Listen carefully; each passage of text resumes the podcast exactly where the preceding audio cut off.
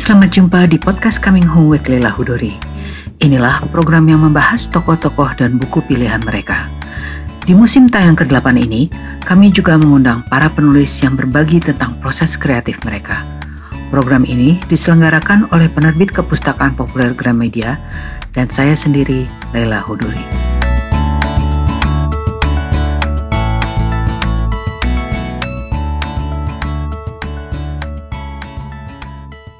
Setelah beberapa saat memejam, matanya kembali membuka, mendapati lautan luas yang berbatasan dengan angkasa ungu bertabur bintang kepagian.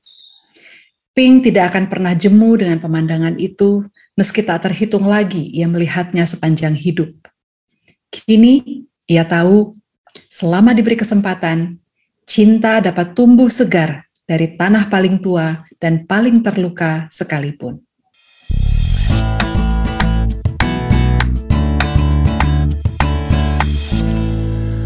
Trilogi Rapi Jali adalah kisah Pink, remaja dengan anugerah musik di dalam dirinya yang nyaris sempurna.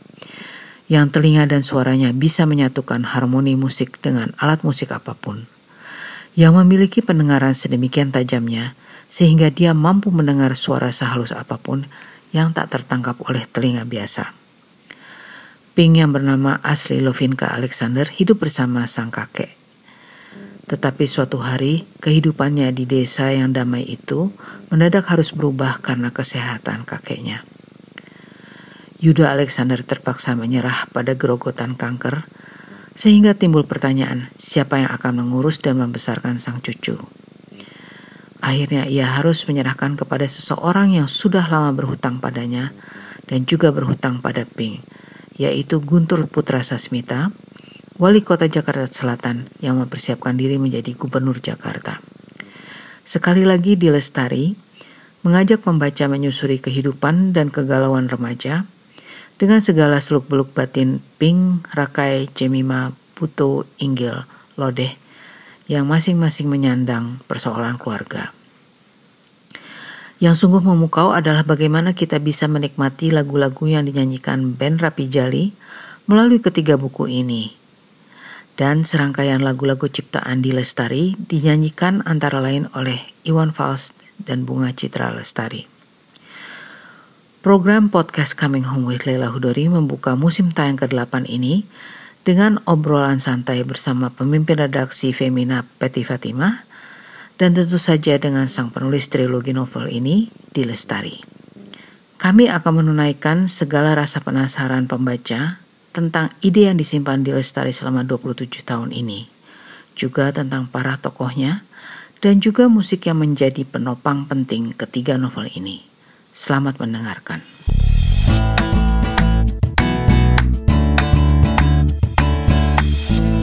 Halo Mbak Feti apa kabar? Kita kayaknya mau kedatangan tamu baru nih hari ini nih. Aduh seneng banget. Saya baik Mbak Lila selamat tahun baru. Kita selamat belum tahun baru. Ketemu sebelum ya. sesudah tahun baru. Semoga ya. tahun barunya lebih berbahagia ya. Sejak tahun 2020 semua. kali kita nggak pernah ketemu. Iya, iya tapi kan? kan kita sempat taping kan. Oh iya, taping taping iya. Iya benar benar benar. Jadi ini kita hari ini mau ngobrolin tiga buku uh, sebuah buku yang uh, sekaligus menjadi trilogi. Nah, ya.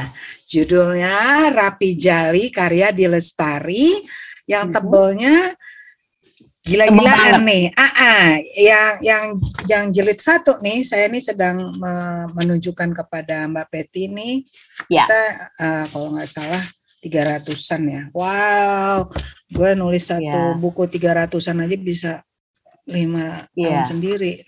Ini gua Kagum loh dengan tebalnya buku ini. Iya, Kita akan pengen nanya nih sama penulisnya nanti, uh, uh. Uh, bagaimana bisa Terus, menuangkan uh, tulisan sedemikian panjang. Ya? Iya, panjang. Terus yang kedua 479 halaman ya. Uh mhm. -huh.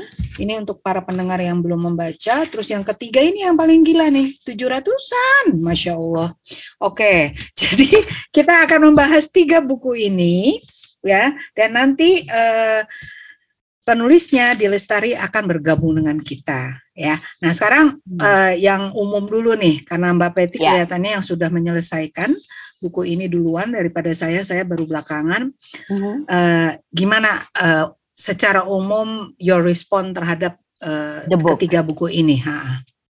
Um, kalau saya uh, harus menyebut satu kata, menurut saya buku Rapi Jali ini sangat menghibur. Hmm. Jadi kalau misalnya uh, apa namanya review buku-buku asing atau film-film asing kan suka ada tuh entertaining bintangnya hmm. lima gitu. Nah hmm. mungkin saya hmm. saya boleh memberikan bintang lima untuk entertaining ini. Hmm, Sangat hmm, menghibur, hmm. tetapi dari menghiburnya ini enggak enggak receh menurut saya. Buku ini tuh uh, menceritakan perjalanan uh, Pink dan hmm. juga teman-temannya yang menjadi tokoh dalam dalam buku ini untuk mencari jati diri gitu. Hmm. Dan itu ternyata iya. nggak yeah. mudah ya gitu. Karena kan yeah. hidup orang hmm. tuh beda-beda, ada yang hmm. ada yang lurus, ada yang hmm. uh, mudah, tapi ada yang harus berliku-liku dan lain-lainnya gitu. Jadi uh, dramanya tuh dibangun di situ dan kayaknya itu harusnya relatable dengan siapa pun ya. Jadi kayaknya hmm. semua orang akan memilih siapa sih tokoh yang paling dekat sama dia Hmm. Seperti itu gitu. Hmm. Entertaining dan sangat uh, apa ya? Uh, deep ya kalau menurut saya gitu. Hmm. Sebagai buku pop ya. Oke. Okay. Nah, jadi untuk mereka yang belum membaca, meskipun saya yakin kayaknya banyak sekali yang sudah membaca, ini sebuah cerita uh, yang memang dimulai dari masa remaja tapi kemudian sampai ke masa dewasa, dewasa ya sebetulnya ya. Uh, jadi jadi cukup panjang ininya uh, durasinya uh, rangingnya itu dari mereka ketika masih SMA sampai mereka uh, sudah menjadi professionals gitu ya. Betul. ya. Jadi itu satu hampir hmm. hampir apa ya sepanjang hidup seseorang di masa dewasanya. Dewasa betul. Vibe remajanya tuh memang uh, lebih dominan karena kalau saya lihat jilid satu jilid dua mereka ya. masih masih SMA. Masih di masa-masa mereka SMA dan ya SMA lah ya. Iya mencari nah, dirinya itu makanya dia diri. judulnya tuh mencari dan ya. mencari dan menjadi. Lalu yang kedua uh, ini yang menarik juga untuk saya bahwa dia memasukkan elemen politik. Ya. Gitu kan? Karena Pemilihan si uh, uh, karena si remaja-remaja uh, ini orang tuanya juga semua diceritakan Hmm. Jadi ada dua generasi kan, Betul. ada remaja para geng itu, hmm. gengnya Pink ya, hmm. kemudian ada orang tua masing-masing yang ya. ternyata saling berkaitan gitu by the way gitu. Jadi saya suka ingat sama cerita-cerita seri film seri film seri yang Hollywood kan suka gitu tuh. Jadi ada remajanya, geng remaja terus ada orang tuanya gitu. Ya. Dan orang tua orang tuanya juga punya problem sendiri gitu lah kira-kira ya. Nah, yang ketiga sebenarnya yang menurut saya khas di itu adalah musik. Ya. Hmm. Ya. Jika di aroma karsa dia ada parfum, ada soal penciuman, di sini dia uh, yang ditekankan musik. soal pendengaran. Jadi ya, musik ya, pendengaran. dan pendengaran yang luar biasa dari tokoh utamanya gitu.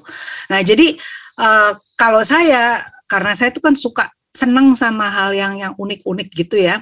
Hmm. Saya senang banget ini bagian pendengarannya ini si Ping ini gitu hmm. loh karena wah ini asik banget gitu ya uh, keistimewaan Ping ini sangat berbeda dengan bahkan dengan penyanyi umumnya penyanyi umumnya oke okay, suara bagus bisa bisa yeah. menjadi songwriter gitu ya kayak si tokoh Rakai itu yang nanti kita hmm. bahas lah ya si Rakai kan juga bisa mencipta ya tapi yeah. pendengarannya si Pink ini gila-gilaan gitu dan itu dibuat di dalam satu scene yang nanti kita bahas bagaimana dia bisa bahkan mendengar ada gangguan gitu di di di apa di loteng apa di mana begitu kan? Yang dikirain itu ada hantunya atau apa? Hmm. ternyata sebenarnya hanya karena ada baling-baling gitu. Itu eh, orang biasa nggak bisa mendengar itu gitu. Jadi kayak gitu-gitu itu mengingatkan saya sama aroma karsa aroma karsa tapi penciuman gitu. Jadi basically nih untuk mereka yang belum mendeng, uh, membaca itu kira-kira uh, it's a story of youth ya remaja yeah. yang yang uh, apa bermusik main band lah kira-kira. Mungkin nah, saya pengen nambahin satu Mbak Lela, nomor empat. Uh, nomor uh, empat. Apa tuh? Uh, apa tuh? Uh, buku ini seperti juga buku-bukunya di yang lain gitu, tapi uh, kita bicara mengenai Rabi Jali ya. Uh, uh, unsur budaya itu sangat kental. Dan uh, saya sangat uh, respect sama di melakukan selalu melakukan riset yang tepat banget dan uh, mendalam. Hmm. Misalnya tentang budaya Sunda ya. Karena saya orang Sunda, walaupun ah. saya bukan orang Pangandaran, saya orang hmm. Bandung, hmm. tapi saya sangat mengerti uh, apa namanya situasi keluarganya Oding gitu misalnya. Oding. Karena itu juga uh, pada umumnya keluarga-keluarga Sunda, misalnya di keluarga saya, keluarga besar saya, modelnya kayak begitu. Mereka hmm. itu lucu, mereka itu komikal, tapi mereka juga dramatis gitu kan, hmm. emosional dan seterusnya hmm. gitu. Hmm. Lalu ada bahasa-bahasa atau kata-kata yang uh, kalau saya bilangnya Sunda Buhun ya, saya tulis kemarin tuh di Instagram saya gitu, hmm. yang mungkin sekarang udah agak jarang dipakai. Tapi kalau hmm. di keluarga besar pasti kita akan mendengar uh, kata-kata hmm. itu gitu dan dan menurut hmm. saya ini sangat bagus gitu untuk pembaca muda terutama karena ada terjemahannya di situ. Jadi yeah. dia nggak nggak lost in translation ya. Ini apa sih ngomong apa yeah, sih gitu yeah. kan? Oh ya ada ada hmm. ini kok. Ada apa? Ya ada footnote-nya, uh, catatan footnote kaki. Ya ada ah. footnote-nya gitu. Jadi itu itu menurut hmm. saya uh, uh, salah satu yang membuat saya senang sekali sama buku ini. Uh, risetnya hmm. tuh bagus, hmm. termasuk riset hmm. tentang keluarga Betawi misalnya. Yang nah itu baru keluar, hmm. exactly keluar ah. lewat tokoh si uh, Lodeh, Lodeh itu kan. Gitu Lodeh. Kan. Hmm. hmm. Keren deh pokoknya. Nah, jadi ada keluarga Sunda, ada keluarga Betawi, Betawi. Ya, dan yang saya senang itu dikeluarkan di dalam musik juga kan. Iya kan, nah, musiknya Benyamin itu. Uh, dia tetap memasukkan twist-twist gitu ya. Dan yeah. menurut saya bikin twist dalam dalam cerita drama tuh sebenarnya susah loh. Artinya susah uh, membuat twist tanpa menjadi jangan sampai dipaksakan kan kadang-kadang kan kalau di sinetron ada tuh kalau twist yang wah ternyata ini adalah uh, adik kembarnya atau apa gitu ya. Nah, ini yeah. kan kita nih sebetulnya pembaca sudah diberitahu sama di sama sama uh, penulisnya bahwa uh, identitasnya Pink ya sebetulnya kita yeah. udah tahu gitu.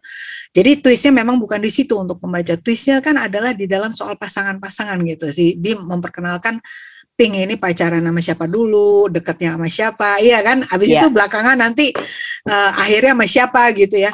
Saya, karena saya tuh awalnya, oh dia bukannya masih ini. Oh, hmm. sekarang udah masih ini. Ya, itu, itu nanti saya juga mau tanya sama Benar. sama di kenapa memutuskan si A sama si B, si C kenapa sama si D? Itu aku mau tanya sama sama di ini. Kita mau masuk ke tokoh-tokoh. Kalau tokoh Pink menurut uh, dari semua ya, dari dia kecil sampai dia uh, dewasa dan be, dan keputusan-keputusan yang dia perbuat gitu ya. Kan keputusan-keputusannya ketika remaja sampai dia dewasa itu kan pasti menunjukkan usianya begitu ya. Yeah. uh, karakterisasinya respon dia terhadap problem dan sebagainya. Coba uh, Mbak Peti apa pendapatnya hmm. tentang karakter ini? Pink ya? Atau ya, nama Pink. aslinya Lovinka? Lovinka, Lovinka. Alexander. Hmm. Alexander namanya jadi kayak orang Eropa Timur ya. Nanti saya mau yeah. nanya juga deh sama Iya, kenapa uh, namanya Lovinka ya? Benar, benar. benar. Dan kenapa dipanggilnya Pink? ah, kenapa panggilnya Pink? Nah, jadi uh, kalau saya melihat Pink ini adalah sosok anak perempuan ini saya ngomong lagi zaman dia teenagers ya gitu. Yeah.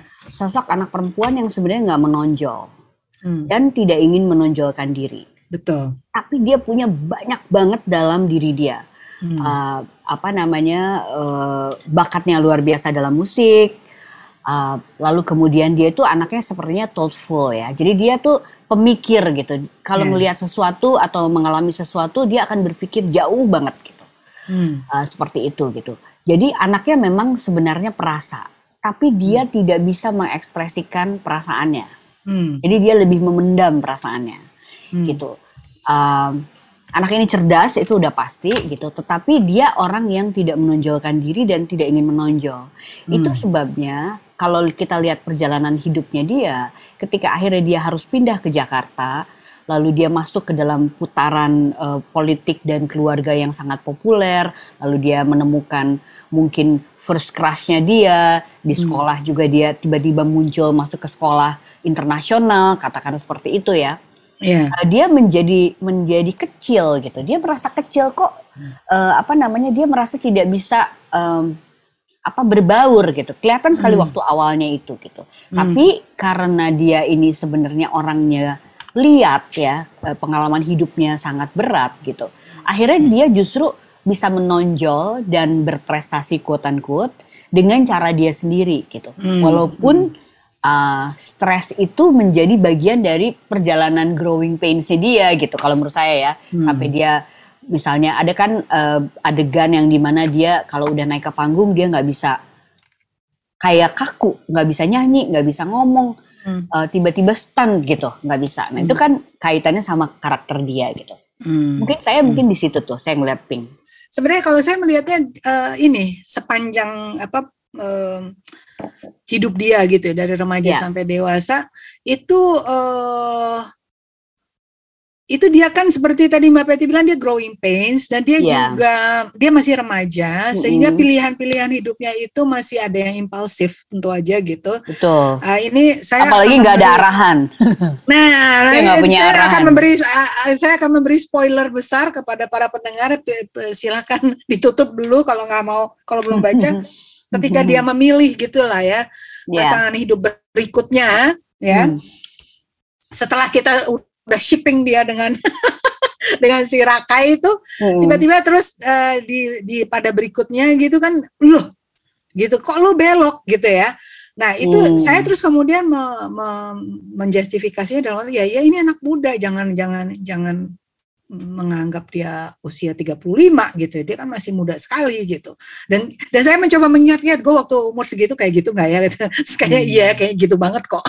Artinya when we choose and then we really just follow whatever ya kan? Jadi ya ya ya gue sukanya yang ini gitu kan. Uh, tapi kan kita karena membacanya udah dewasa udah melalui so many things kita merasa aduh lu lu lu lu ah gitu loh. Ngapain sih gitu? Nah tapi saya juga udah feeling bahwa ini nggak mungkin selamanya sama dia. Kerasa aja gitu. There, there has to be ya akan akan ada seseorang yang yang jauh lebih uh, stabil dari dari nih si lelaki flamboyan ini gitu. Jadi aku aku tuh uh, bagian itu waktu di situ aku agak agak unhappy dengan pilihan dia gitu ya. Tapi malah jadi kita jadi pengen tahu terus gimana ya terus gimana gitu ya. Hmm. kenapa lo begini? Kenapa gitu ya. But I I understand gitu. Saya saya saya mencoba memahami karena dia masih young Kalau, dan tentu hmm. saja Hmm. Ya, kalau kalau kalau saya tuh saya tuh hmm. tipe pembaca uh, pembaca yang impulsif ya gitu. Hmm. Nidinya ada di sini. Gue tuh impulsif banget nih kalau baca gitu. Hmm. Gue nggak ter saya tuh tidak terpancing orang misalnya, eh kamu harus baca buku ini deh karena ini ini gitu. Tapi saya harus terpancing pada diri saya sendiri. Uh, saya pengen baca buku ini karena apa gitu kan. Hmm. Jadi pembaca segala gitu. Dan biasanya tuh kalau misalnya saya suka sama bukunya, saya involve ke dalam cerita itu gitu. Seolah-olah hmm. saya ada di dalam situ gitu. Hmm. Jadi kalau misalnya soal pilihan-pilihan uh, uh, apa pasangan ini gitu, hmm. saya ngelihatnya tuh uh, mungkin Nah, nanti mungkin kita hmm. kita bisa tanya sama hmm. dia. Tapi hmm. saya saya simply cuma mau uh, uh, simply melihat Pink ini seperti perempuan yang lain gitu. Akhirnya dia cari yang nyaman gitu. Bahwa pada saat cari yang nyaman itu dia ke sini ke situ ke mana gitu atau dia sangat tertarik sama Rakai gitu misalnya saya kira uh, apa namanya Rakai itu tipe pria yang nggak pernah dia temukan sebelumnya gitu karena dia dalam hidupnya dia kan cukup lama dia uh, hidup sama si uh, Odin ini atau Odin ini. Dan kita bisa lihat uh, pada buku pertama hubungan mereka ini unik gitu. Dan banyak loh orang yang kayak begini gitu. Uh, apa namanya uh, hubungan mereka seperti kakak adik gitu. Dan perasaannya itu tuh kayak di, dipendam barangkali ya. Kalau bisa kita hmm. baca tuh sebenarnya ada uh, penulisnya ini kayak mancing-mancing kita gitu. Ini sebenarnya naksir hmm. gak sih gitu kan? Hmm. Nah, um, dan ternyata memang benar mereka naksir gitu. Uh, walaupun mungkin brotherhoodnya ketika mereka masih kecil tuh lebih gede gitu. Hmm. Jadi kalau saya ngelihatnya malah saya waktu lagi mereka dia sama si Raka itu uh, gue bilang gini, gue nggak mau uh, apa tahu ujungnya apa karena saya suka hmm. gitu juga orangnya hmm. kalau udah nggak hmm. penasaran aku langsung ke belakang gitu kan ini apa sih no, ceritanya aku juga uh, aku gak ke ya gitu kalau gue nggak apa-apa hmm, gitu kan hmm, tapi pas hmm. kemarin saya bilang gini nggak gue nggak mau tahu ceritanya uh, seperti apa ujungnya hmm, hmm. tapi sebagai penonton sebagai pembaca gue mau sekali dia tuh kembali ke yang pertama dan gue seneng hmm. hore gitu kayak gitu gitu mbak. Oke, okay, oke. Okay. Ini abis ini kita langsung nanti undang di masuk ke sini. Uh, satu lagi mungkin ya, uh, satu uh, kita akan bahas uh, tokoh-tokohnya nanti sekali, sekaligus dengan Dinya ya. lagu-lagu udah dengerin belum, uh, Mbak Peti? Saya uh, kalau mendengarkan mendengarkan secara serius belum, tapi kan uh, ah, apa okay. namanya uh, Instagramnya di melintas-lintas di Instagramku juga uh, mau di Ayunda, yeah, yeah. yeah. bagus banget lagunya. Hmm. Hmm, hmm, hmm. Keren. Ada ini juga ada Kinari versi Kinari. One Falls yang Hmm. ah, ah, yang dibayangkan sebagai uh, uh, Yuda ya, Yuda uh, si kakek nih. Si Aki sama ada yang versi BCL uh, Bunga Cita Lestari, kemudian ada Before You itu bagus banget ya Allah, sedih banget dengernya. Nah, uh, nanti nanti uh, dengerin deh. Itu sedih banget itu Hmm. lagunya nggak tahu kenapa gue jadi jadi kayaknya waduh ini nasib Pokoknya ini kalau dijadiin film ini akan bagus sekali di ayo di udah udah ah, support, udah udah tinggal I support you. Ah. Lebih Oke, kalau Di. serial. ini ini udah udah disebutin kita undang aja sekarang di halo di masuk yuk halo Halo. Udah ada di sini. halo halo Hai. apa kabar Happy New Year Baik, terima kasih Happy New Year juga Mbak Lela, Mbak Peti. Seneng banget bisa ngobrol bareng setelah sekian lama nggak Bener. berjumpa. Ya ampun, seneng banget. begitu banyak yang memisahkan kita Iya. Iya. ini udah mending pun juga masih tetap terpisah. Oke, ini kita mau langsung aja karena dari tadi kita udah ngobrolin udah udah ngobrolin tokoh-tokohnya nih di Ya. ya. Eh, aku masuk aja deh langsung ya ke tokoh-tokohnya ini. Eh, sebetulnya sebelum ke tokoh deh, itu kenapa sampai 27 tahun Mm-mm. lah? Kenapa mesti nunggu? Apa memang 27 tahun? Aku gue simpen dulu deh. Tapi abis itu ada nggak godaan-godaan di antara within those 27 years itu kan dia juga menulis Ya. yang lain-lain kan Ya. Supernova, Aroma Karsa, Betul, betul. Recto Verso. Ada nggak terus ah gue mau mau mau eh, apa Hmm. kembali kepada Rapi Jali ini. Ya, oke. Jadi ini memang satu perjalanan kreatif yang sangat unik ya dalam eh, karir kepenulisanku gitu. Hmm. Rapi Jali dulunya judulnya bukan Rapi Jali, judulnya adalah Planet Pink Hmm, Oke. dan itu aku tulis waktu umur 17 tahun. hebat nih. Jadi tahun hebat. 93 gitu. Hmm. Itu aku pertama kali menulis. Eh, so ide dasarnya sudah mirip ya, walaupun tentu saja ketika aku menuliskannya ulang terjadi pengembangan dan juga perombakan, tapi ide dasarnya ada seorang anak perempuan di kampung yang punya bakat musik luar biasa lalu dididik oleh kakeknya yang Kayaknya. tidak konvensional Hmm. yang juga seorang musisi asal kota yang pindah ke desa, lalu dia punya semacam eh, drama keluarga yang Hmm. waktu itu aku juga belum jelas apa, tapi Hmm. Pink kemudian pindah ke Jakarta bersama sosok ayah, seorang ayah yang eh, kontras banget dengan kakeknya dari mulai cara pendidikan, kemudian juga pekerjaan gitu ya. Hidup. Nah, kalau sekarang eh, Guntur tuh politikus, ah, ah, kalau dulu tuh aku kalau nggak salah bisnismen gitu, tapi Hmm. kurang lebih eh, ide dasarnya tuh kurang lebih sama seperti itu. Tokoh Oding sudah ada, tokoh Rakai sudah ada, tokoh Andre sudah ada, ada juga tokoh-tokoh yang lain namanya saja beda. Misalnya Inggil dulunya tuh eh, Hendro, lalu Hmm. Jemima dulunya Susan, tapi Hmm. itu sudah ada. Nah kemudian Kelihatannya eh, nama-nama kenal- dulu sama sekarang beda ya. Iya. Nama Oh iya, tahun beda banget ya, 90-an ya, beda Ya, Di. banget. itu itu nama dulu. iya iya Tahun 90-an Susan banget. gitu kan. Susan. Susan tuh nama dulu banget. ya. Andre juga 90 banget. Iya. Iya, iya. Nah, lalu eh, tu- 17 tahun itu ya tentu saja pengalaman aku menulis maupun stamina aku beda banget dengan sekarang. Hmm.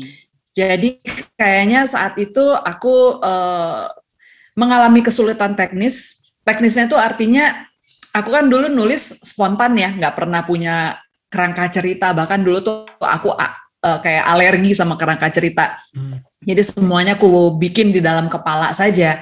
And as the story goes, mulai itu kan tersesat, tersesat. Terus ini mau ke mana nih gitu. Terus Hmm. konfliknya mau ngapain? Sampai akhirnya aku uh, menyerah dan uh, ya udah naskahnya tertidur sekian tahun gitu. Nah, um, tapi bagaimanapun juga si ide ini menurut aku adalah sesuatu yang yang dekat di hatiku dan juga potensial untuk di digarap gitu ya. Hmm. Dan ketika aku mulai menulis, aku kan baru nulis itu tahun 2001 ya, pertama kali terbitnya Supernova gitu. Dan saat itu aku mulai melihat lagi tuh naskah-naskahku yang tertidur karena bukan cuma Rapi Jali waktu itu ada filosofi kopi, bahkan eh, apa namanya filosofi kopi itu aku buat kurang lebih paling beda tiga tahun dengan uh, Rapi Jali, jadi masih di satu angkatan tuh perahu kertas. Jadi itu kisah-kisah lama yang akhirnya uh, dengan staminaku yang baru, dengan juga pengalamanku, hmm. akhirnya aku mulai bisa tuh membangkitkan naskah-naskah mati suri itu gitu. Hmm. Nah, tapi Rapi Jali ini selalu uh, apa ya terkeselak sama yang lain gitu loh.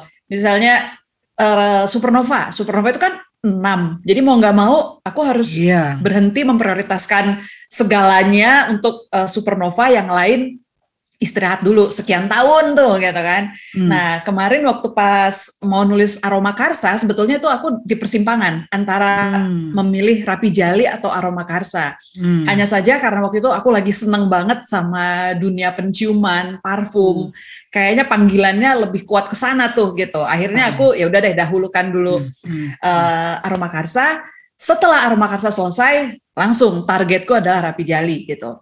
Dan saat itu aku terus terang meremehkan sih, Mbak, karena aku ngerasa ah ini cerita anak SMA cepet lah gue bikin paling uh, sekian bulan lah gitu kan. Hmm, hmm. Eh ternyata ketika aku sudah mulai mencurahkan waktu menyusun uh, kerangka ceritanya dan sebagainya, aku mulai melihat pertama banyak tantangan teknis dan ketika itu aku coba jabarkan, aku mulai melihat drama yang sedemikian besar dan kompleks yang aku mulai nyadar oh pantesan aja ya dulu tuh nggak selesai gitu karena hmm. untuk membuat ceritanya bekerja dan masuk akal dia butuh rangkaian peristiwa yang memang sama sekali tidak simpel walaupun hmm. uh, Rapi Jali itu tidak punya unsur macam-macam ya dia nggak ada yeah. hutan eksotis uh, science whatever tidak hmm. ada gitu hmm. tapi hmm.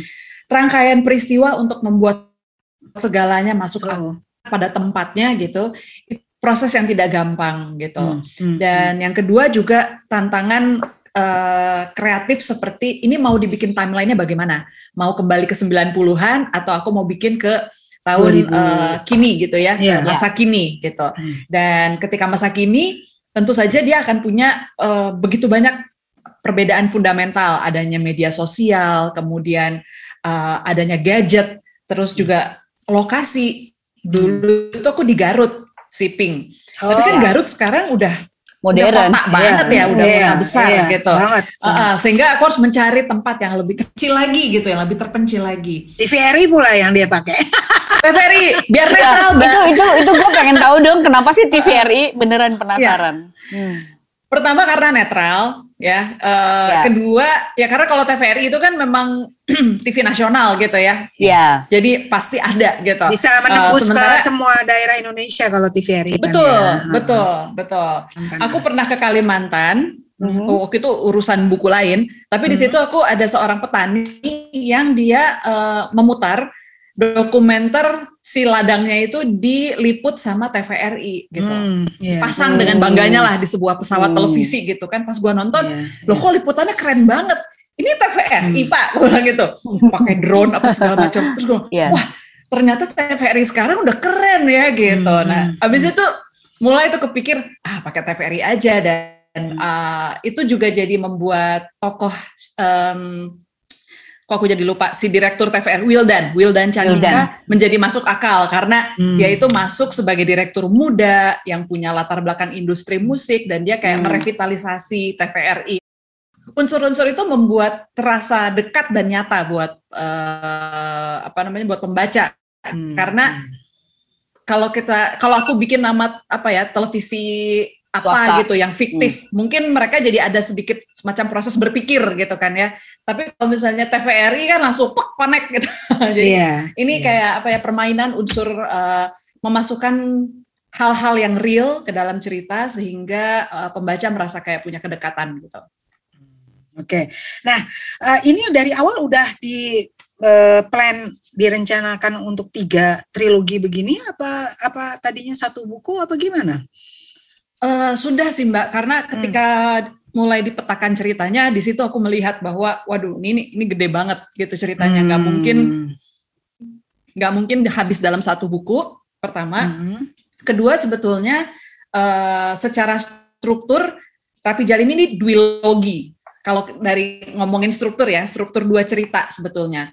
Jadi hmm. buku satu hmm. dan dua itu satu kesatuan, lalu buku tiga itu satu kesatuan. Hmm. Nah, hanya saja karena volume satu dan dua kalau kita gabungkan tebal banget dan yeah. aku merasa uh, Rapi Jali ini kan menyasar pembaca yang lebih muda gitu ya. Yeah. Kalau langsung dikasih setebal gitu mereka mungkin merasa terintimidasi gitu betul, kayak waduh ini betul, buku tebal banget betul. bisa ngegebuk maling gitu kan. Uh, Jadi uh. akhirnya aku pikir eh udah deh aku bagi dua. Tapi secara struktur dia sebetulnya memang satu kesatuan buku satu dan dua. Uh, Oke. Okay. Dan itu menulisnya sekaligus ya. Jadi bukannya ini jilid satu selesai jilid. Jadi sekaligus menjadi satu kesatuan baru dibagi gitu.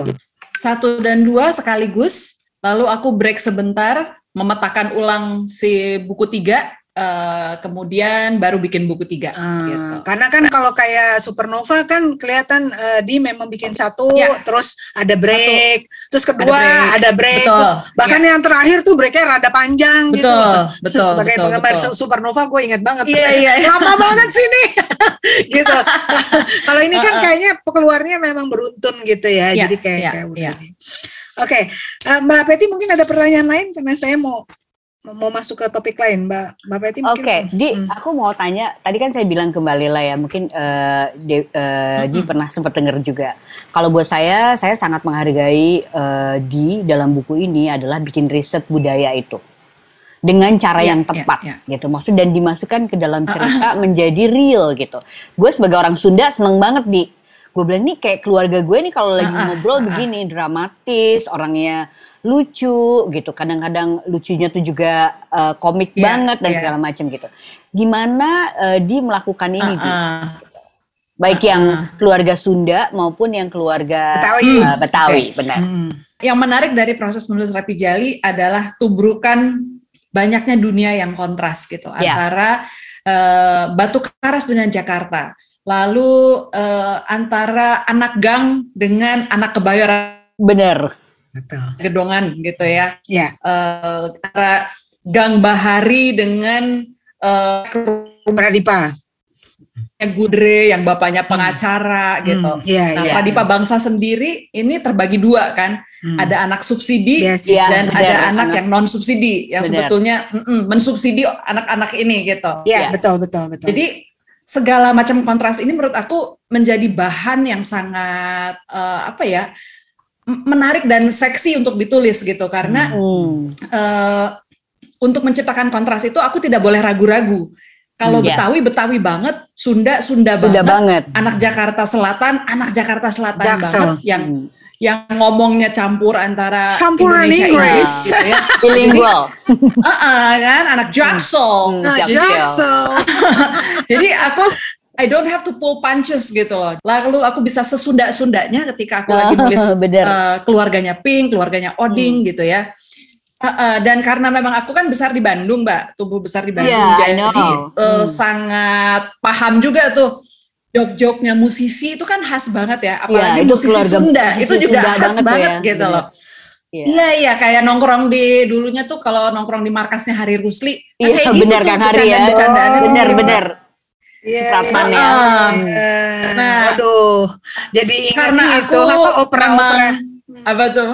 Ah, kan iya, uh, Kang apa Ari sih bikin opera. Ken Arok, Ken Arok. Ken Arok. Ya. Aku ikutan loh, Mbak Hah? Ella. Serius? Ya. Aku gua nonton paling penari, depan itu. Aku penari di situ.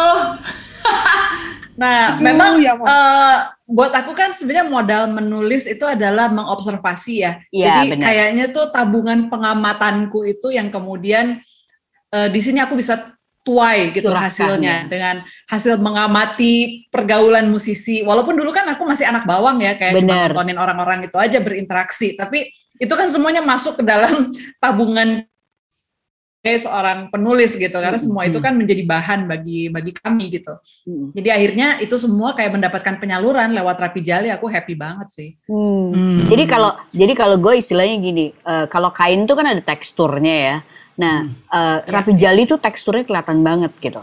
Jadi kalau misalnya hmm. lagi ngomongin Sunda tuh Sunda banget gitu. Jadi ya. kalau misalnya dia orang Sunda, dia akan ngerasa ini real banget nih. Kalau di keluarga Sunda emang kayak begini nih, kedodolan-kedodolan ya, itu. Emang gitu. begini, ha, uh, Emang hmm. begitu adanya ha, kan, ha, ha, gitu. Lalu kemudian keluarga Betawi juga sama gitu kan. Mungkin secara nasional kita meneng, mm -hmm. uh, mengenal keluarga Betawi itu misalnya dari serial Sidul atau zaman dulu ada uh, Dul, ya. TV gitu kan. Bajai Bajuri. Bajai Bajuri hmm. gitu. Dan itu benar-benar Bajai Bajuri yeah. gitu yang se norak-noraknya tapi lucu. Yeah, yeah. sangat merakyat gitu. Uh, uh, itu uh, keren banget di karena remaja gitu ya. Apakah dari awal uh, di sudah me, apa ya menargetkan menargetkan menargetkan hmm. bahwa ini bacaannya memang untuk young adults atau gimana? Kenapa saya bertanya begini? Karena uh, kalau saya baca karya-karya di yang sebelumnya uh, itu adegan-adegan intimnya uh, di buka aja gitu ya nggak nggak terlalu nggak terlalu banyak hmm, tapi hmm, ada hmm. gitu ya di hmm, salah satu ada, supernova ya, ya. ada ya. ya di salah satu supernova ada, ada terus yang si Zara Aroma itu loh. Aroma Karsa juga ada. Ya. Nah, di sini di sini pokoknya uh -uh. aftermathnya aja gitu loh. Jadi ada tapi ya udah kita bayangin aja sendiri ya. gitu. Apakah itu karena lebih halus ya? ini yang di mana di sini? Uh, ya yang kalau di sini selalu halus yang dulu juga halus, tapi ada yeah. gitu. Maksudnya dideskripsikan. Kalau yang ya, sekarang, -bener. Kalau yang sekarang nggak dideskripsikan, aja gitu. Hanya dipikirin aja bahwa ya mereka masuk ke ruangan, udah that's it. Ya, gitu. ya, ya, ya. Apakah the, ini sebuah keputusan ini mungkin saya nanya sebagai seorang penulis juga gitu. Apakah ini keputusan secara sadar bahwa kepingin ini dibaca oleh young adults gitu loh, yang hmm. yang younger hmm. people yang akan kalau misalnya dikasih dikasih adegan itu tuh akan wah gitu. Hmm. Ini kalau itu itu semua kan baru muncul sebetulnya banyaknya di Rapi Jali 3 ya Mbak ya? Iya betul. Rapi Jali ya, 1 dan tiga mereka kan, udah dewasa ya. Nah. Betul, betul. Kayaknya kalau Rapi Jali 3 saja berdiri sendiri dan nggak punya kaitan dengan Rapi Jali 1 dan 2, mungkin hmm. aku akan lebih uh, eksplisit sih gitu ya uh, di dalam hmm. adegan-adegan hmm. uh, intimnya atau romantisnya gitu. Hmm. Hmm. Cuma hmm. karena memang ini berangkat dari Rapi Jali 1 dan 2 yang aku hmm. bayangkan uh, pembacanya lebih muda daripada Betul. pembacaku yang rata-rata hmm. gitu. Hmm. Uh, dan ini kan keluar dalam satu tahun nih walaupun secara logika ini udah 8 tahun kemudian bagi para karakter betul, tentu saja betul. cara mereka berinteraksi udah beda. Udah beda. Tapi betul. bagi pembaca mungkin dia bacanya kelas 2 SMA masih 2 SMA ketika baca. Iya, tentu. jadi tentu, tiga gitu. Tentu. Hmm. Nah, jadi uh, jujur itu memang ada di dalam hitunganku gitu hmm. untuk kemudian nggak tiba-tiba ibunya yang beliin tiba-tiba hah kenapa ada seperti ini saya tertipu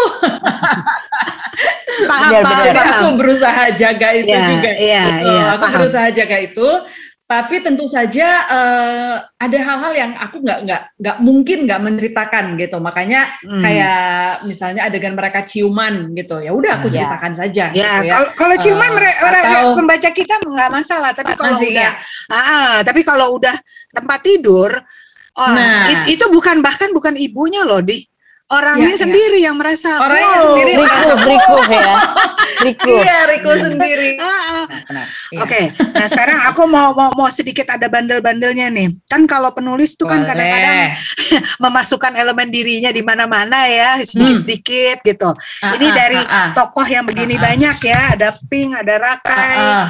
ada Jemima dan sebetul dan seterusnya uh, uh. dan seterusnya ya Dahlia yang kalau yang udah dewasa Dahlia ada Sarnita ada nggak uh, uh. di somewhere? Ada di nggak somewhere di situ? Hmm, oke. Okay. Yang jelas bercandaan noraknya itu itu aku yeah, banget sih. Gue ngebayangin ah. itu lo banget Baik sih. bercandaan. Bandung banget ya, bercandaan itu. Sundanya. jok bapak-bapaknya Inggil dan Buto itu kan sebenarnya mereka joknya bapak-bapak banget ya. Oh, itu ya, joknya bapaknya Inggil tuh bapak-bapak sekali dan bapak-bapak iya kan? zaman zamannya dia. yang ketawa ya dia sendiri gitu. Nah jadi itu kayak gitu memang itunya uh, selera humorku banget sih. Lalu kalau soal uh, personal barangkali mungkin waktu aku umur 17 tahun itu lebih dekat ya kayak uh, aku dulu kan masih belum aku suka musik tapi belum masuk ke industri musik gitu. Jadi membayangkan ingin bernyanyi secara profesional, bermusik secara profesional dan dulu tuh aku anaknya suka banget ngeband punya band impian, sering banget mencoba berupaya ngumpulin teman-teman ngeband ABCD gitu. ikutan satu festival ke festival lainnya. Itu dekat sekali dengan uh, kisah remajaku sebetulnya. Dengan Pink, Pink gitu. ya. Jadi berarti pink nih, ada ada ada ada pink nih, Dengan ada banyak pink, di nih. gitu. Banyak Kayaknya yang ketika Pink remaja. Rakai, Iya, ya Pink dan Rakai itu. kayaknya ya. Pink dan Rakai ya. Cuma memang Ya. ten- Mm-mm. betul, tentu saja kemampuanku tidak semumpuni uh, Pink ya. Barangkali itu aspirasi lebih kepada aspirasi karena aku merasa, aduh, aku tuh sebagai seorang musisi kurang jagoan nih gitu. Dan aku kayak duh pengen ya punya skill piano yang sejago itu terus uh, itu lebih ke aspirasi nah kebetulan dua anakku si Kinan dan Atisha itu mereka perfect pitch. Sama kayak sama kayak Pink gitu. Jadi aku banyak bertanya sama mereka juga sebenarnya apa sih yang kalian dengar gitu? Apa yang ada di dalam ruang pengalaman kalian ketika mendengar sebuah not? Kok bisa tahu tanpa ada bantuan alat musik gitu ya? Itu kan sesuatu yang aku harus gambarkan kepada pembaca. Jadi aku banyak eh, bertanya kepada mereka yang perfect pitch. Kebetulan dua anakku begitu jadi mereka juga jadi salah satu narasumberku sebetulnya Wah, Rapi menarik, ini. menarik, menarik, Ah, ah. menarik, menarik ini. Jadi ini kita masuk ke riset ya. Selain Iya. bertanya-tanya kepada Kinan dan eh, Atisha soal perfect pitch, eh, kalau Ya. soal ini tanya nggak Mm-mm. soal bahasa remaja atau interaksi remaja? Karena kan oh iya di menggunakan tahun 2020-an ya, artinya you are using present Betul, time. betul. Dan kalau mau jujur Ya. kan eh, joke zaman saya waktu remaja dengan joke zamannya anak saya remaja kan beda ya mereka. Banyak. Artinya ah, kadang-kadang ya seperti benar, bapaknya benar. Inggil anggap lucu itu kan ya buat kita yang tua-tua Ah, ah. iya lucu tapi buat anak-anak kita hah what is so funny gitu kan. Hmm. Eh, aku tanya sama mereka juga dan kebetulan ya mengamati juga ya kan Hmm. aku kadang-kadang Ya. agak aktif tuh di di sekolahan mereka jadi ketemu Ah. dengan teman-teman yang lain juga gitu kalau mereka menghadapi konflik itu seperti apa gitu dengan Hmm, adanya peer pressure se- seperti sekarang dengan adanya media sosial itu kan mungkin keputusan-keputusan mereka agak berbeda pertimbangannya dengan eh, aku dulu atau generasi yang sebelumnya gitu ya Iya, jadi hal-hal itu iya, aku iya. tanyakan ke mereka. Hmm. Jadi aku bertanya sama mereka bagaimana reaksi mereka ketika menghadapi sebuah masalah gitu. Hmm, Ya, iya, Ya, betul. Mereka punya keputusan untuk melakukan eh, ABCD melihat mungkin kondisi peer, pressure mereka saat ini, kemudian ada media sosial, kayak apa sih itu membayangi keputusan mereka gitu. Ya, ya. Lalu riset eh, tempat, ini juga satu faktor menarik karena Rapi Jali 3 terjadi saat pandemi ya, waktu proses penulisannya. Hmm. Ya. Sehingga aku udah nggak bisa ke mana-mana tuh. Nah, Hmm. kalau waktu Rapi Jali 1 dan 2, aku masih sempat pergi ke eh, Batu Karas, kemudian Hmm. pergi ke apa namanya eh, Sungai Cijulang dan sebagainya. Hmm, Tapi hmm, hmm. yang Rapi Jali 3 ini ironisnya adalah eh, buku yang paling banyak setting variasi settingnya ada Iya, di tebel. eh, Sungai Kampar, terus ada di Lombok. Iya. Eh, Lomboknya pun beberapa pantai dan beberapa tempat gitu ya. Hmm. Itu aku nggak bisa ke sana sama sekali. Jadi semuanya mengandalkan narasumber. eh, ada Belitung juga, ada eh, lomba triathlon juga. Jadi itu semuanya mengandalkan narasumber baik wawancara, video, eh, riset pustaka dan seterusnya. Tapi kan di kan pasti kalau kayak Lombok itu pernah dong sebelumnya ke sana.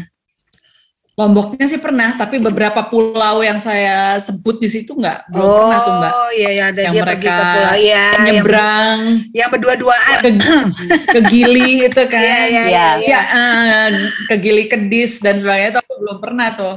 Itu kayak Eh, it sounds kayak like heaven deh. Itu penggambarannya itu emang beneran Tapi ada. memang ya, iya itu. sih mbak. Ya aku I, I cannot say karena nggak ke sana langsung ya, tapi dari hasil wawancara Dari video orang ya? dan lihat Oh. eh, riset videonya luar biasa sih memang. Mbak Peti Gitu. pernah ke sana ke itu tempat-tempat yang ya itu ke pulau-pulau yang di Lombok Oh yang belum didatengin. belum belum. Itu Tapi saya membayangkan eh, itu emang bagus. Jadi jadi waktu saya baca itu saya tuh ngebayang itu kan eh, banyak settingnya itu orang yang surfing ya Iya. dan international eh, events gitu. Saya pernah ke Nias ke satu tempat sebelum itu jadi ngetop. Jadi eh, tempat itu ketika saya datang aja itu itu kayaknya akhir tahun 90-an jadi 98 eh 9 berapa ya? 97-an atau 96 mungkin. itu tuh hmm. uh, di Australia udah sangat terkenal. Hmm. Gitu. Itu emang bagus banget. Jadi di Indonesia tuh emang hmm. banyak yang kayak gitu-gitu ya dia. Ya. Hmm. Dan ombaknya tuh gede dan tempat itu indah gitu. Hmm. Tapi kita sendiri sebagai orang ya, betul. Uh, ya kita mah turis kan manusianya kan gitu. um, mungkin nggak pernah tahu gitu. Jadi yeah, ini yeah. ini sebenarnya menarik kalau misalnya nanti ini jadi uh, film bisa diperlihatkan sesungguhnya kayak apa gitu. Iya, yeah, iya. Yeah. Ini ini mah udah ya, udah udah ya, begitu betul, baca betul. ini kayak, udah udah terasa sinematik ya. banget. Oh, oh, ini udah sih. Jangan-jangan udah ada yang nawarin belum, Bi? Uh, sudah. Oh, kan? sih. Terus lalu semuanya masih dalam tahap penjajakan, Mbak. Masih Asik. masih tahap penjajakan.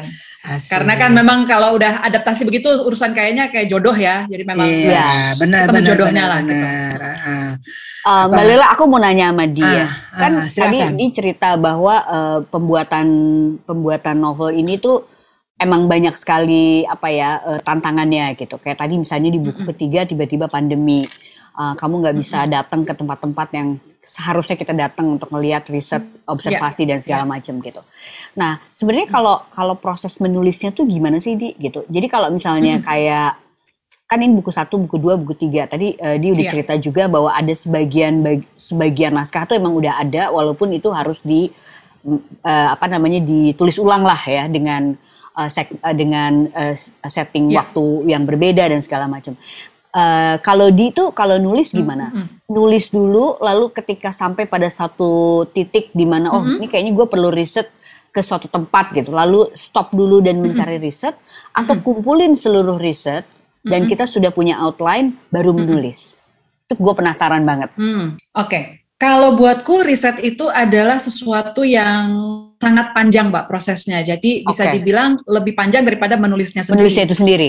Karena okay. riset itu kita mulai, ya hmm. kita mulai sebelum menulis. Hmm. dan terus berjalan sambil ketika menulis gitu. Karena memang kadang-kadang okay. apa yang kita riset itu kan hanya untuk kanvas, yeah. kanvas dasarnya. Ketika kita mulai melukis, kita mulai melihat ada kebutuhan-kebutuhan lain gitu bahwa oh ternyata okay. saya harus uh, di Lombok ini pergi ke tempat yang berbeda. Nah, tempat berbeda hmm. tidak ada di dalam prediksiku sebelumnya. Okay. Baru mulai kemudian riset. Jadi riset ini kayak sesuatu yang menjadi wadah sepanjang aku menulis. Gitu. Menulis. Gitu. Dan okay. itu bahkan masih berjalan ketika uh, proses editing.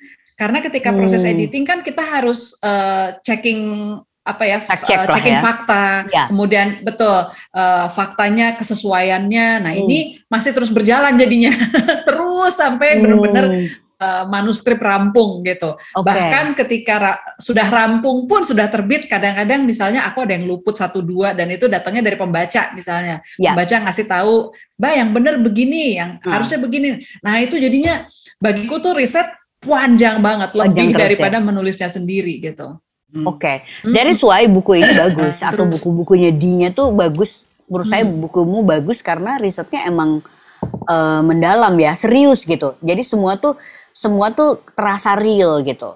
Uh, karena memang ada hmm, misalnya yeah. tempat yang memang ada. Nah, di jadi kalau kayak gitu sebenarnya sebetulnya uh, dari awal kamu udah tahu ya has, ujung cerita ini seperti apa. Spoiler nggak nih gua? Iya, Iya Karena kan, kan hmm. enggak apa-apa. Hmm. Uh, kurang lebihnya iya, tapi okay. uh, um, banyak sekali proses discovery yang terjadi ketika kita menulis. Bahkan hmm. menurut aku nulis itu tuh kayak kita menemukan gitu. Ya. ya kita kayak menyiapkan uh, pos-pos per perhentian tertentu itu kayak kita bikin struktur gitu ya. Misalnya aku udah tahu nih di tengah hari kejadian apa, tapi hmm. detail bagaimana uh, kejadian itu kemudian digambarkan, dilukiskan, itu sesuatu yang aku temukan ketika proses menulis. Gitu. Jadi okay. um, bisa dibilang uh, apa namanya? menulis itu adalah ya proses discovery gitu. Iya. Menarik ya. Thank you Di udah sharing. Sama-sama.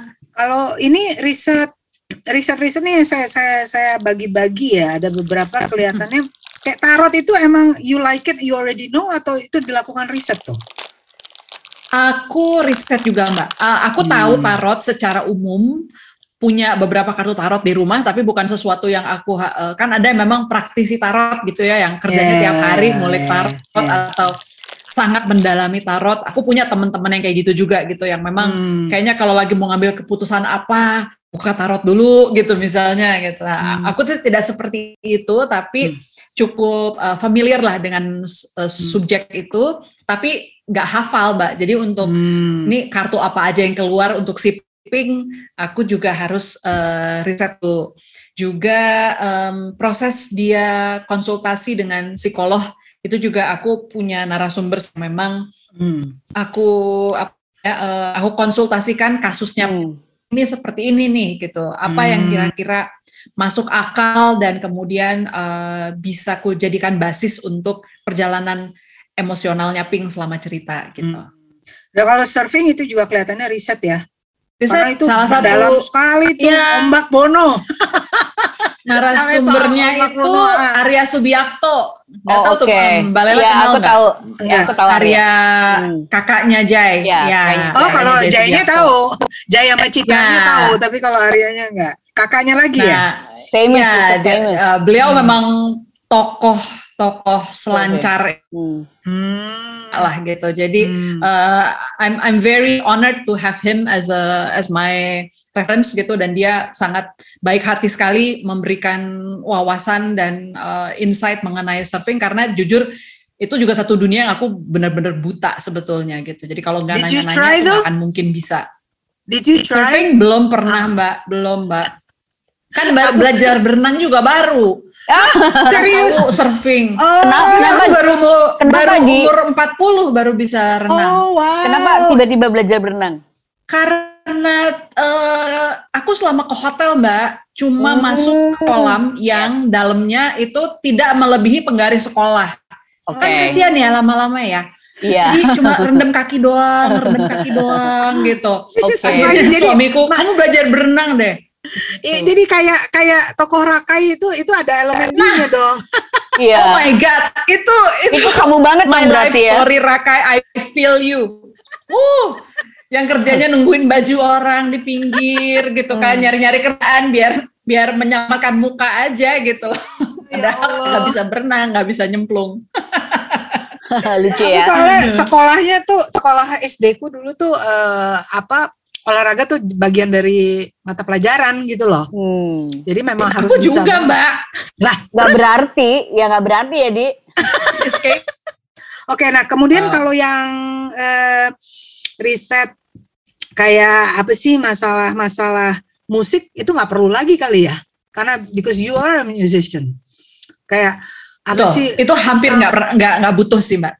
Uh, karena it, it's your karena, life gitu kan. Betul. Jadi bagaimana uh, bahkan aku apa ya uh, adegan-adegan yang paling paling menyita energi untuk ditulis tuh adalah adegan mereka manggung karena oh, di situ aku harus berperan sebagai sutradara, penata lighting, penata sound, kemudian menjadi juri, kemudian uh, pindah lagi perspektif kepada yeah. para uh, pemain bandnya gitu ya yeah. kostum mikirin kostumnya apa ya gitu oh itu hmm. luar biasa sih tapi hmm. di situlah semua pengalamanku di dalam industri musik sebagai penyanyi terlibat di acara-acara kayak di Indosiar di Geber Beach apa segala macam gitu kan nah, itu keluar nah. semua tuh nah, wah bayangin nah. lightingnya macam-macam. Aduh, udah lama sekali ya aku nggak gitu. nonton TV. Masih ada nggak itu acara-acara seperti itu? Masih ya?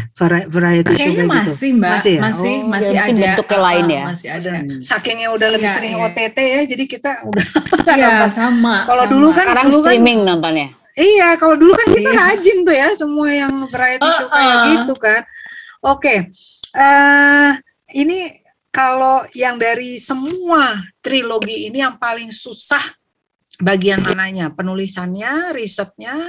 Tadi udah diceritakan bahwa yang ketiga itu hmm. agak susah karena nggak bisa keluar. Tapi yang benar-benar susah hmm. maksudnya it's like oh my god gue mesti ngapain nih gitu. Itu bagian yang apa? Hmm, dramanya sih mbak. Buat aku ini adalah uh, drama yang apa ya kayak memimpin orkestra gitu. Dan hmm. memastikan semua uh, pemain tempat yang peristiwa yang masuk akal dan karena melibatkan banyak sekali karakter uh, bagaimana membuat dis antar karakter gitu ya. Bagaimana hmm. supaya Buto dan Inggil misalnya mereka punya ciri khas yang sangat kuat.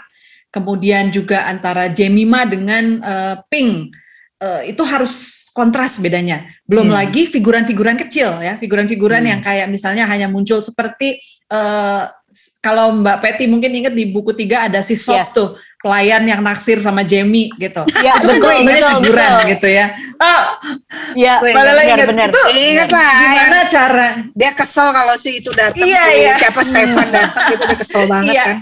Benar-benar. Jadi uh. Uh, gimana menghidupkan si uh, pemeran-peran kecil ini hmm, gitu dari hmm. mulai si Nyak Silet, cara dia Aduh, ngomong. aku suka banget itu kayak, itu loh. Itu lucu banget. really like gua culik juga loh ini. dia demen. Mikirnya tuh kayak dia siapa nama Buto. Ah, pemain Buto gua culik juga. Uh, Bajai Bajuri, bukan Bajai Bajuri. Kalau dulu di TV tuh ada siapa tuh yang udah sepuh Kayak juga Polela, meninggal. Bukan. Polela, ya. Hmm. Aku mengingatkan betul nggak sih? Polela, iya. Iya. Polela ya. Hmm, hmm, hmm, hmm. Betul.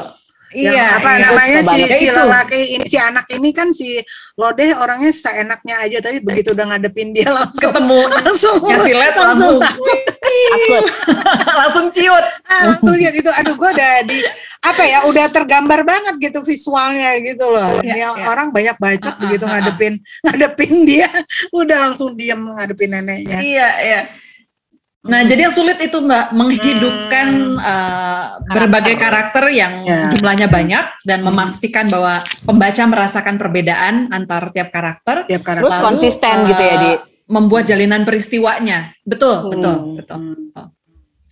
Ini aku Keren. mau tanya nih karena ini rame-rame sampai di mesti posting di Instagram gitu ya. Inggil adalah hmm. lelaki.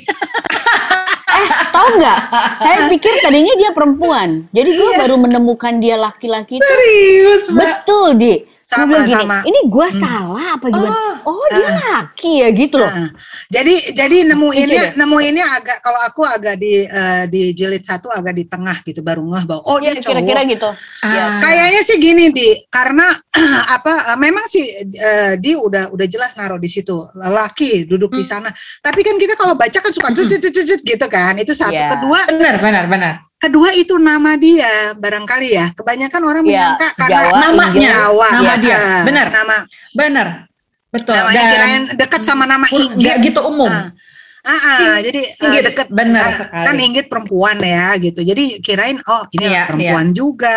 Jadi aku tadinya ngebayangin iya, benar, dia benar. cewek yang yang apa sih? Yang kan itu kan digambarkannya dia berkacamata terus ya gitu kan. Benar, Dan benar. Eh, semula dia tidak tidak reseptif uh, uh, terhadap kedatangan Pink kulitnya kan gitu. putih. Ah, uh, jadi aku pikir oh, uh, uh, oh ternyata uh, uh, cowok. Uh, uh. Iya sama aku gitu. punya punya ini juga. Oh dia cowok ya. Jadi Mbak, hmm itu sampai ada yang sampai buku tiga baru, baru sadar ngeh gitu loh. Oke. Okay. baru sadar ketika oh, waktu dia dipanggil bang. Hah? Kok dipanggilnya bang? ketika ya, dia karena kan di buku, bang. Di buku satu nggak nah, ada panggil-panggilan uh, begitu kan, iya. soalnya panggil nama kan. Benar, benar. Nah karena aku itu kan ngambil dari nama temen sekolahku dulu. Ya. Memang itu nama yang tidak umum. Hmm. Jadi ketika uh, ini salah satu cerita menarik juga di balik proses kreatif Rapi Jali.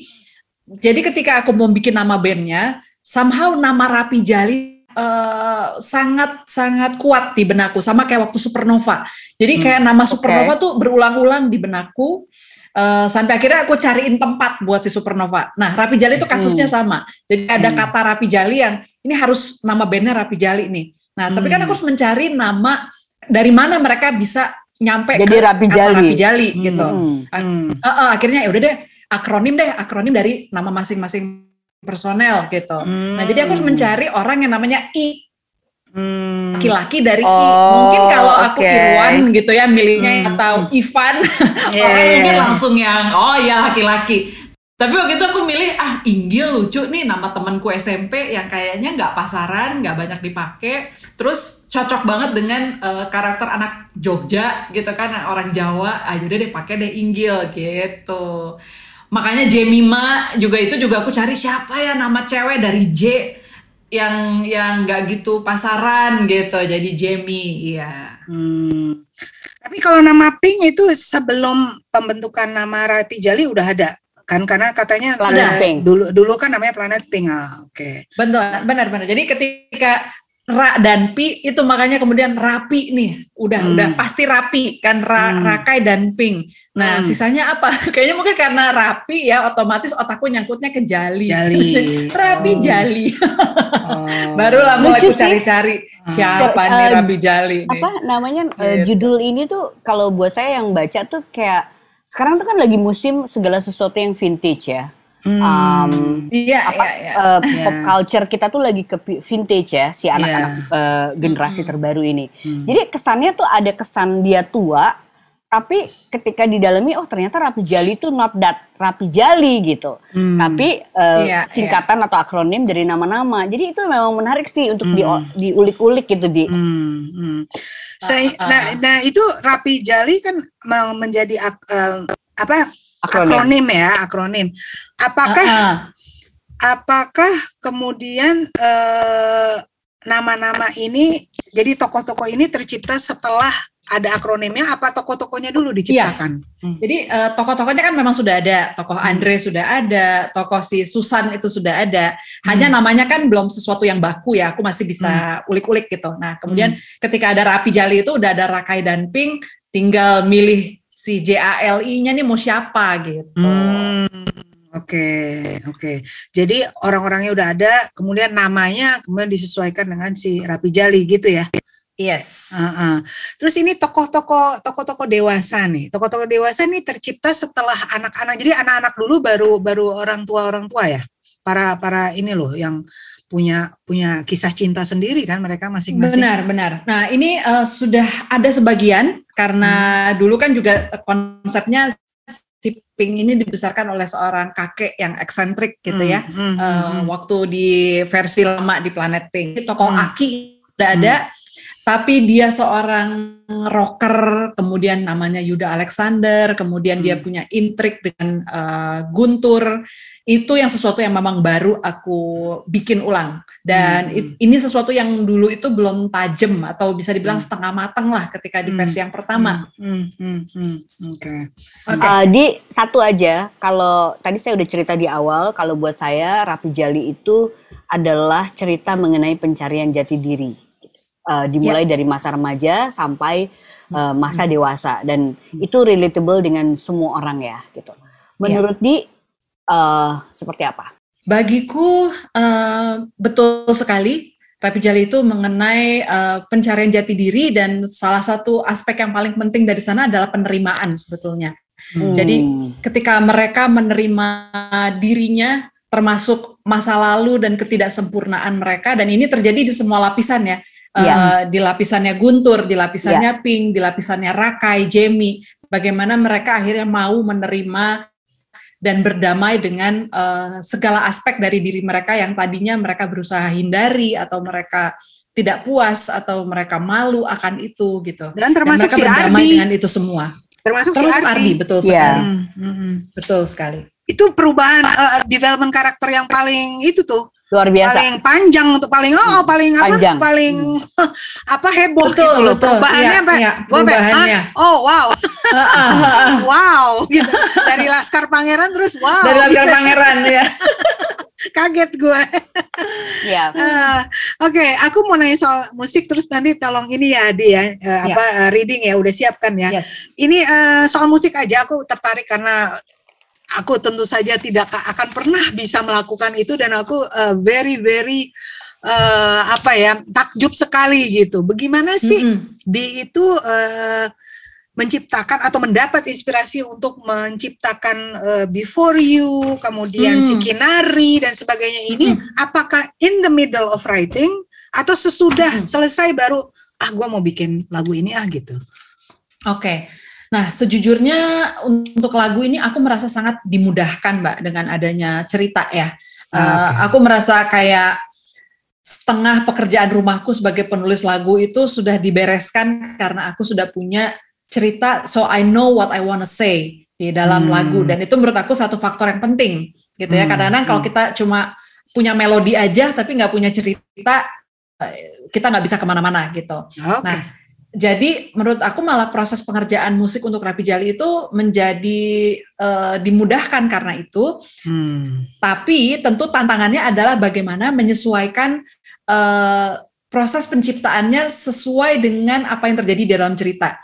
Uh, misalnya, contohnya ketika aku bikin rumah yang baru, itu lagu duetnya Rakai dan Pink, ya. yang mana proses mereka mencipta di cerita itu kan kayak dua lagu digabung jadi satu lagu Betul. ciptaannya Rakai dan digabung menjadi lagu ciptaannya Pink. Betul. Mereka bernyanyi di dua nada dasar yang berbeda dengan dua mood lagu yang berbeda. Nah, itu aku harus wujudkan di dalam lagu benerannya gitu. Hmm. Nah itu susah banget sih jujur aja hmm. gitu. Hmm, Sehingga hmm. Uh, itu mungkin satu lagu yang tersusah yang aku pernah bikin sepanjang karirku karena ada batasan-batasan dari cerita yang harus aku patuhi gitu. Uh, tapi untuk lagu-lagu yang kayak Before You gitu, aku udah tahu nih uh, si Rakai bakal cerita apa dan dia berada dalam situasi seperti apa gitu. Dan itu bagiku lagi patah hati. memudahkan. oh, lagi patah hati gitu. Hati. Sedih loh itu apa lagu itu sedih banget kalau ngedenger. bener kalau lagi ngedengerin itu juga. terus ingat-ingat adegan-adegan dia dia patah hatinya panjang sekali kan ya. Benar. Panjang benar, gitu. Benar. Kalau uh, ini yang dinyanyikan Iwan Fals sama BCL nih Kinari itu ya. juga setelah mm-hmm. setelah selesai terus uh, ini apa terpikir untuk membuat Kinari ya. karena saya tertariknya karena kan Kinari sebenarnya kan tokohnya nggak pernah muncul gitu loh. Jadi nah, kenapa betul. Bima memutuskan itu? Jadi Kinari itu bisa dibilang kayak apa ya sebuah figur bayangan yang sebetulnya berada di cerita, tapi dia kayak ada uh, di balik tirai gitu ya. Dia nggak nggak terlihat Tuh. secara uh, eksplisit, tapi kehadirannya itu hmm. kayak membayangi uh, semua drama utama di dalam cerita. Dramanya Pink, hmm. dramanya Guntur, dramanya Yuda gitu ya.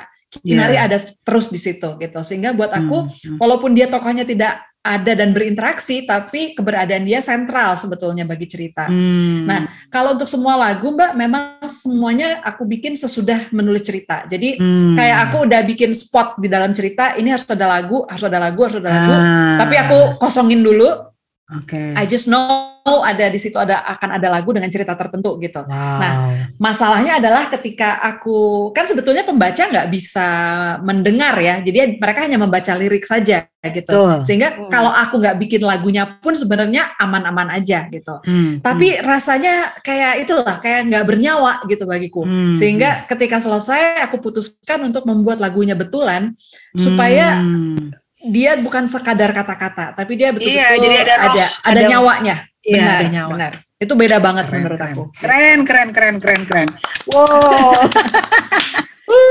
eh, terakhir eh, saya akan membacakan eh, ini ya, apa namanya pertanyaan netizen boleh dijawab dengan ringkas.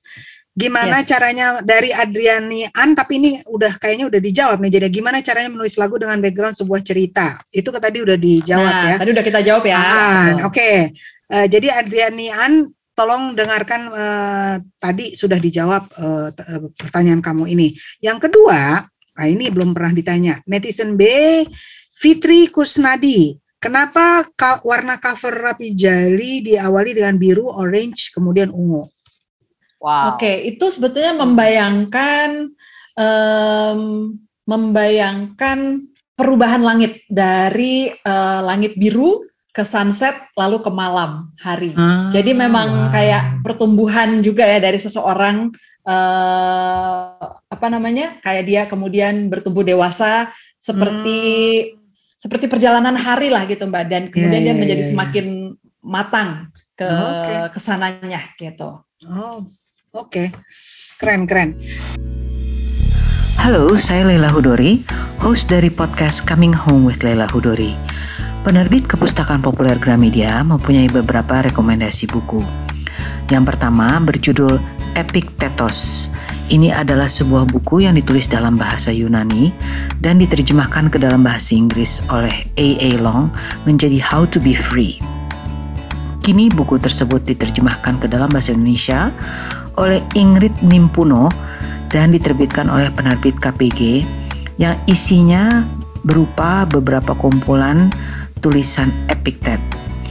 Epictetus adalah budak dari keluarga Epaphroditus, seorang administrator di Istana Nero di Roma.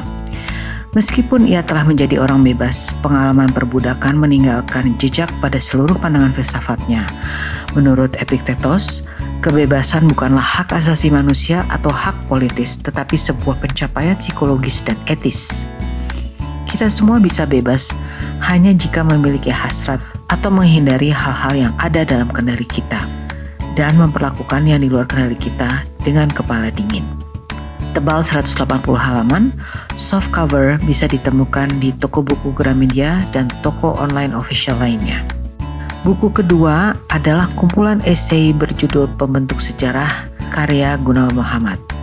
Buku ini berisi himpunan 23 esai Gunawan Muhammad tentang tokoh-tokoh politik dan kesenian yang diterbitkan oleh Kepustakaan Populer Gramedia dan disusun oleh empat orang editor, Zaim Rofiki, Chandra Gautama, Ahmad Sahal, dan Rustam Mandayun. Buku ini menguraikan renungan ulasan pendapat Gunawan Muhammad tentang pemikiran tokoh-tokoh seperti Bung Karno, Tampang Laka, Kartini, Gus Dur, Nurholis Majid, hingga sastrawan seperti Pramudia Anantatur, Renda, dan Subagio Sastrowardoyo.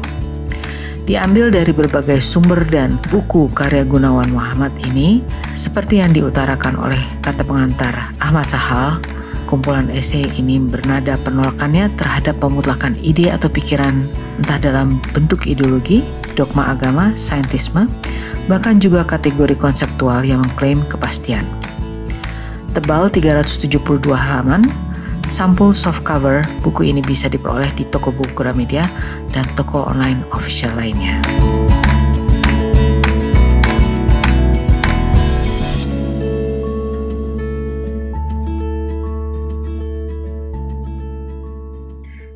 Kinari hadirmu bagai cahaya Pertanda lahirnya cinta dalam hidupku Musik yang indah Yeay. Oh.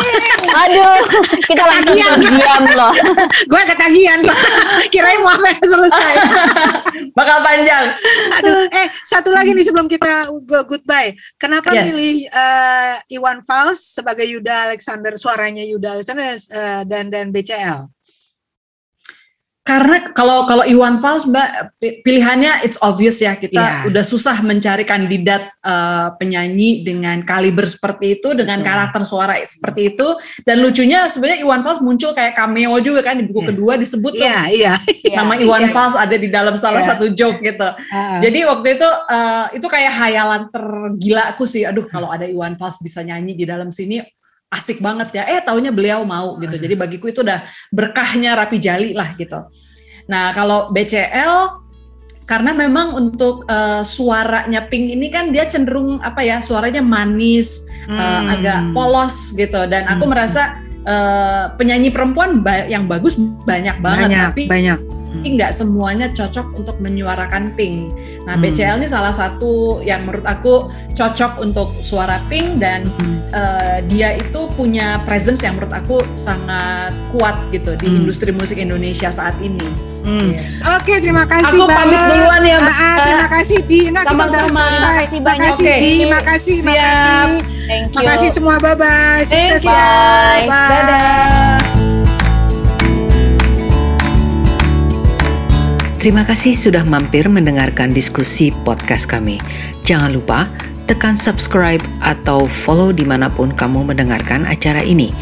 Program ini juga didukung oleh Femina Media.